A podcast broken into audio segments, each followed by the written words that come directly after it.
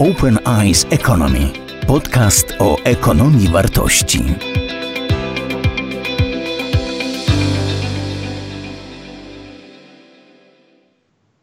Dzień dobry, Bartłomiej Biga. Witam serdecznie i zapraszam na kolejną rozmowę Mówiąc Otwarcie.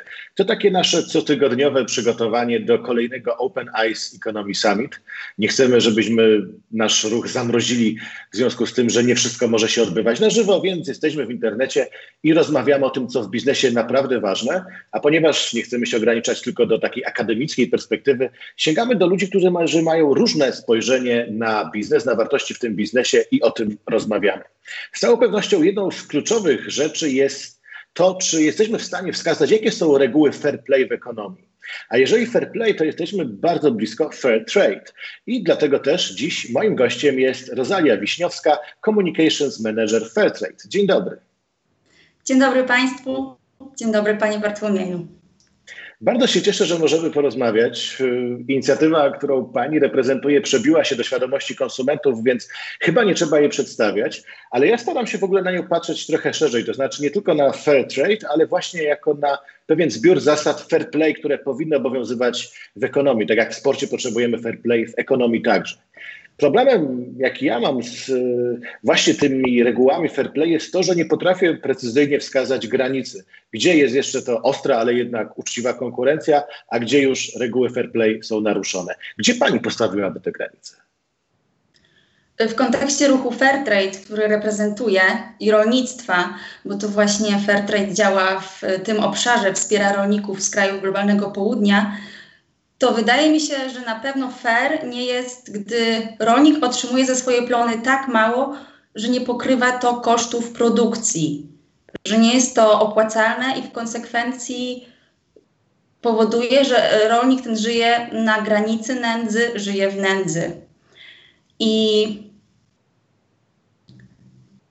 Fairtrade zdefiniowało, że skoro ceny skupów surowców, takich jak kawa, herbata, kakao y, zależą od wahań na, no, na nowojorskiej giełdzie i zdarza się, że cena na giełdzie spada poniżej kosztów produkcji, to właśnie najboleśniej odczuwają to y, ci drobni rolnicy, którzy na przykład uprawiają kawę, y, dla których to, za ile kawę, jaką do, otrzymają zapłatę za kawę, oznacza dosłownie jeść albo nie jeść.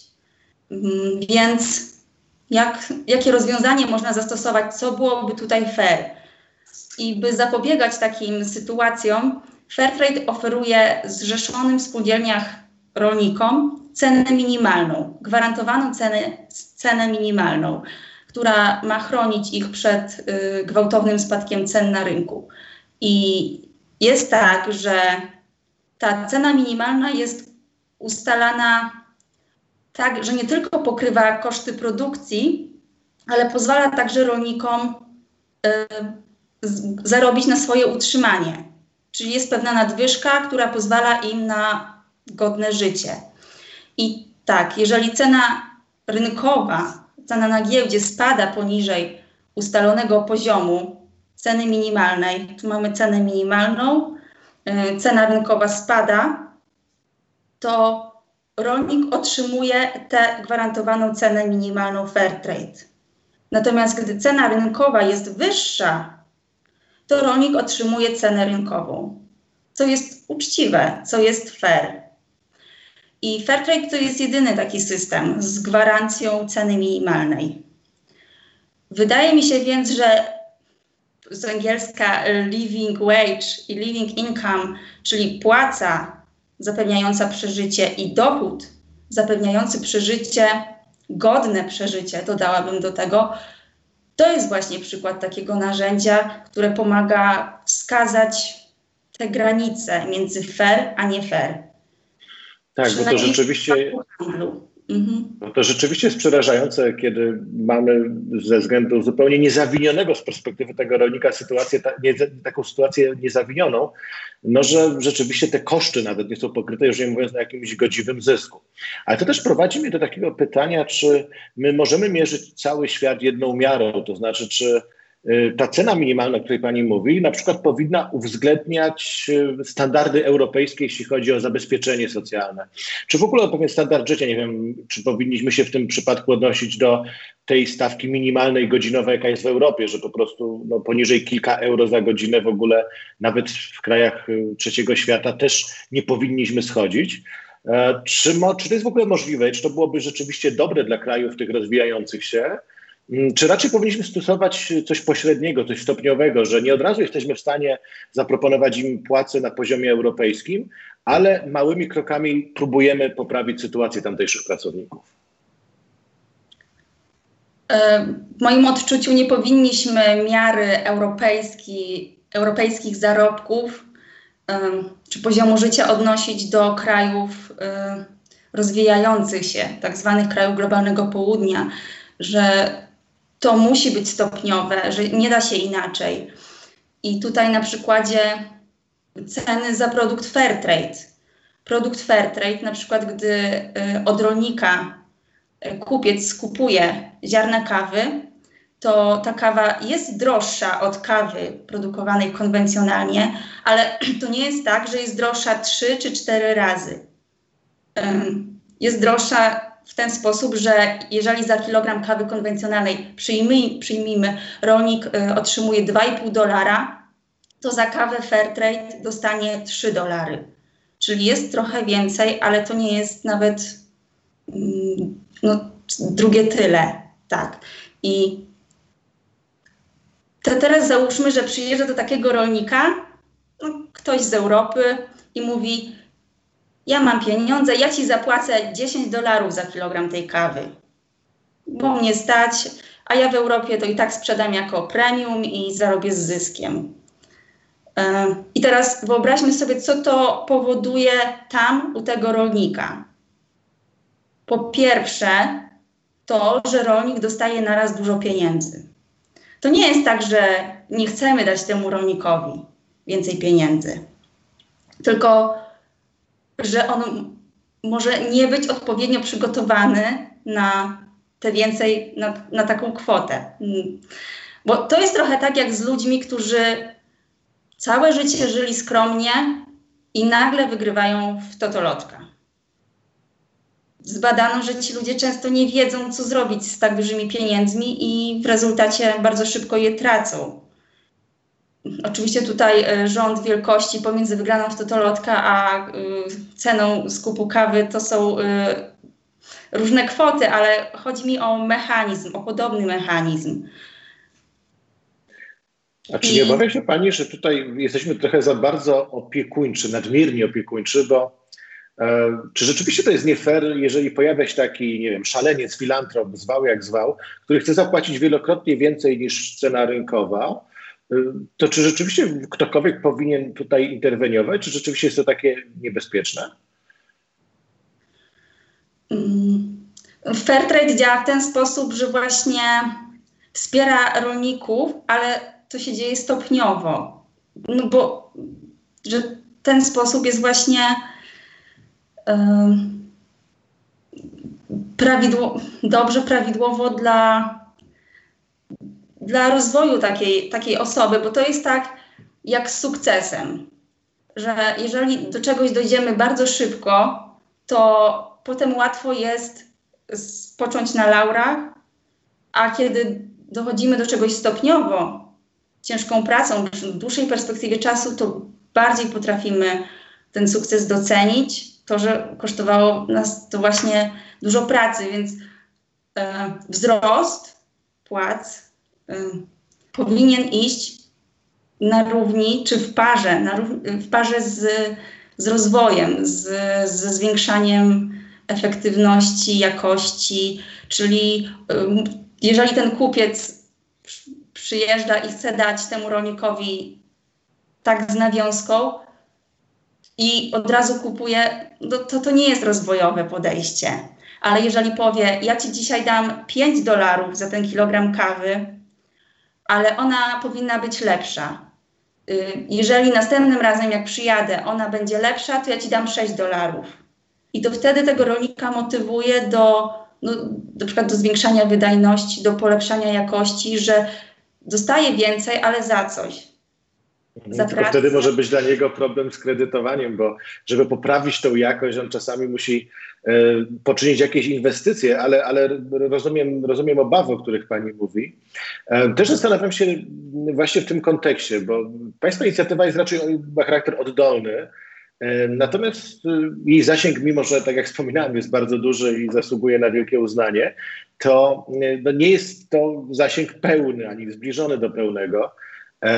Czy upowszechnienie, dalsze upowszechnianie tej idei, Pani zdaniem, dalej może iść właśnie dobrowolnie z dołu, czy żeby to rzeczywiście stało się w pełni powszechne, potrzebne są twarde regulacje i narzucenie tego przez, nie wiem, Unię Europejską, przez y, państwa?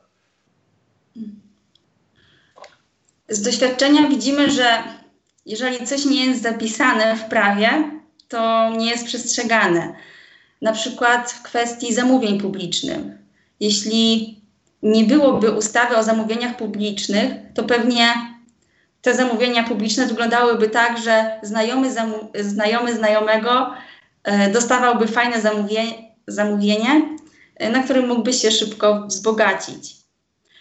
E, w ostatnich latach możemy zaobserwować, że prawodawstwo unijne idzie w tę stronę, że coraz częściej uwzględnia odpowiedzialne prowadzenie biznesu czy cele zrównoważonego rozwoju.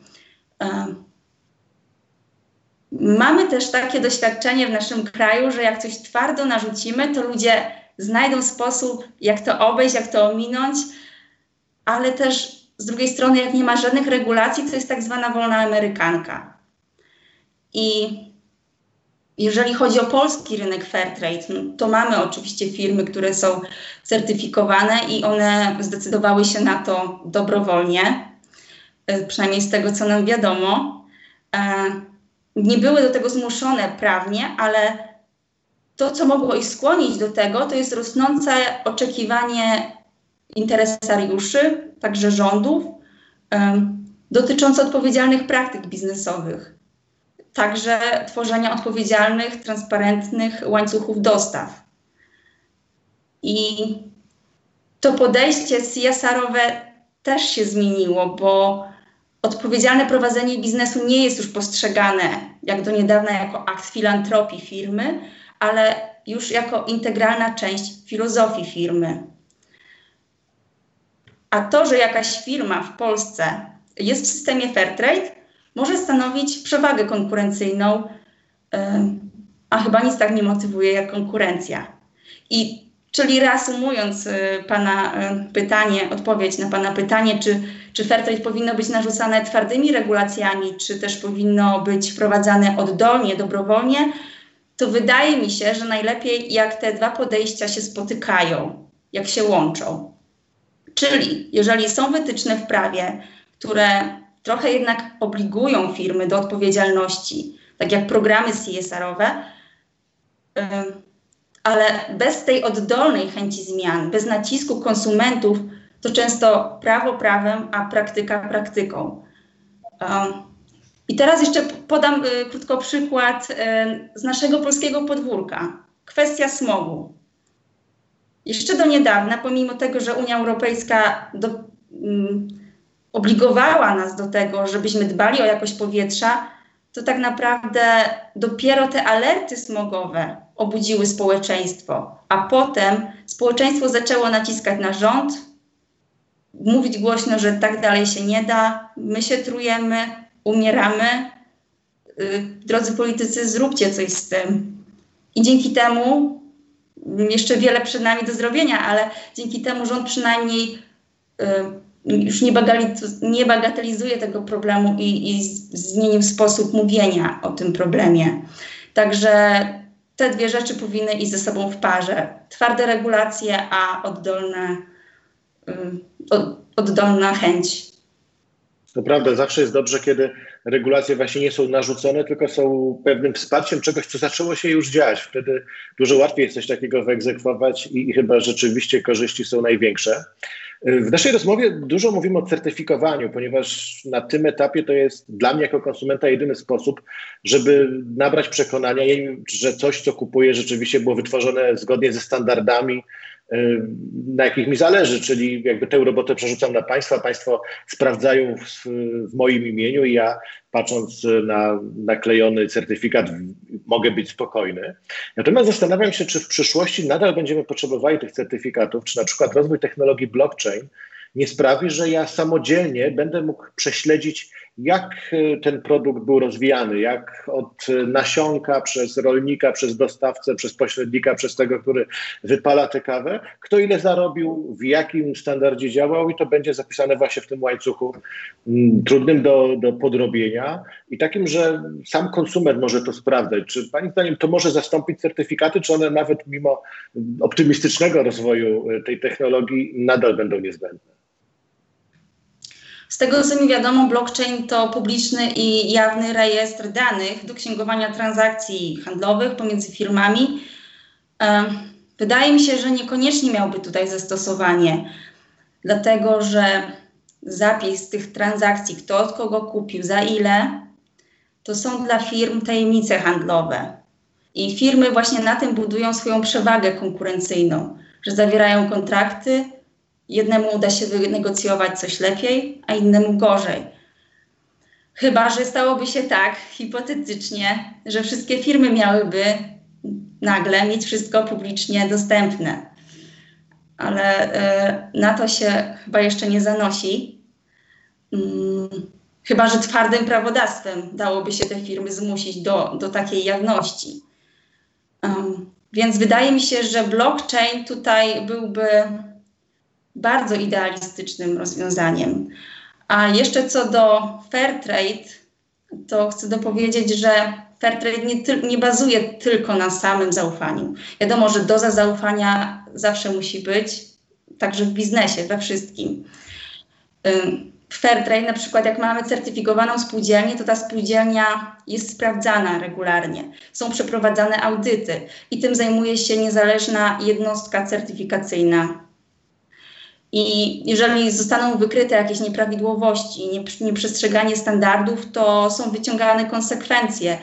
Y, jest to, może być to zawieszenie takiej spółdzielni, certyfikacji, a może skończyć się, to są marginalne przypadki, ale y, może skończyć się odebraniem certyfikatu. Mm, łańcuchy dostaw są bardzo skomplikowane to, co Fairtrade zamierza zrobić, osiągnąć do 2030 roku, to żeby łańcuchy dostaw Fairtrade były w pełni fizycznie identyfikowalne. Czyli żeby konsument, biorąc produkt do ręki, wi widział, mógł przeczytać, skąd dokładnie pochodzi ta herbata czy kakao, bo to zależy od produktu. W przypadku niektórych produktów jest to prostsze, jak na przykład bananów, a w przypadku na przykład czekolady, do której ziarna kakao mogą pochodzić z różnych spółdzielni, z różnych krajów, jest to trudniejsze. Dobra, ja się zgadzam z tym, że kontrola to jest najwyższa forma zaufania i że bez tej kontroli się nie może obyć. E, zaufanie to pewnie tutaj rzeczywiście bardziej między konsumentem a Fairtrade, że My Państwu ufamy, natomiast oczywiście, że Państwo nie mogą tylko na tym bazować. My Państwu ufamy dlatego, że Wy kontrolujecie i e, rzeczywiście trudno sobie wyobrazić tutaj inną konstrukcję. Bardzo dziękuję. Końcowym e, punktem naszych rozmów są zdania do dokończenia, wypowiedzi do dokończenia jednym zdaniem. Może być wielokrotnie złożone, ale żeby to nadal pozostało jedno zdanie. I o to właśnie chciałem Panią prosić o dokończenie pięciu wypowiedzi. Pierwsza. Ekonomia wartości to dobro ludzi na pierwszym miejscu. We współczesnej gospodarce najbardziej potrzebujemy otwarcia oczu na drugiego człowieka. Najbardziej nieoczywistą rzeczą, bez której jednak żadna firma nie może się rozwijać, jest cel wyższy niż zysk. Gdybym mogła wyeliminować jedno zjawisko ze współczesnego biznesu, to byłoby to? Wykorzystywanie najsłabszych. I gdybym miała wskazać jedną książkę, o której dziś powinien sobie przypomnieć świat, to byłaby to? Książka pod tytułem Głód y, argenty argentyńskiego dziennikarza Martina Caparosa. Bardzo dziękuję. Moim gościem dziś była Rosalia Wiśniowska z Fairtrade. Bardzo dziękuję za tę rozmowę. Bardzo dziękuję.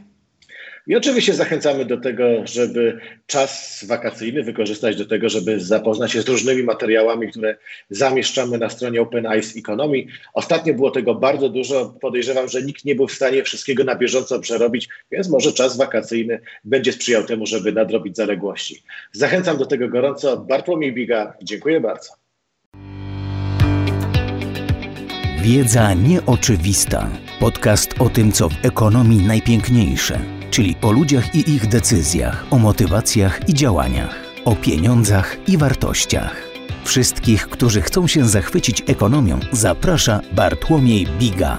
Do usłyszenia na bartłomiejbiga.pl.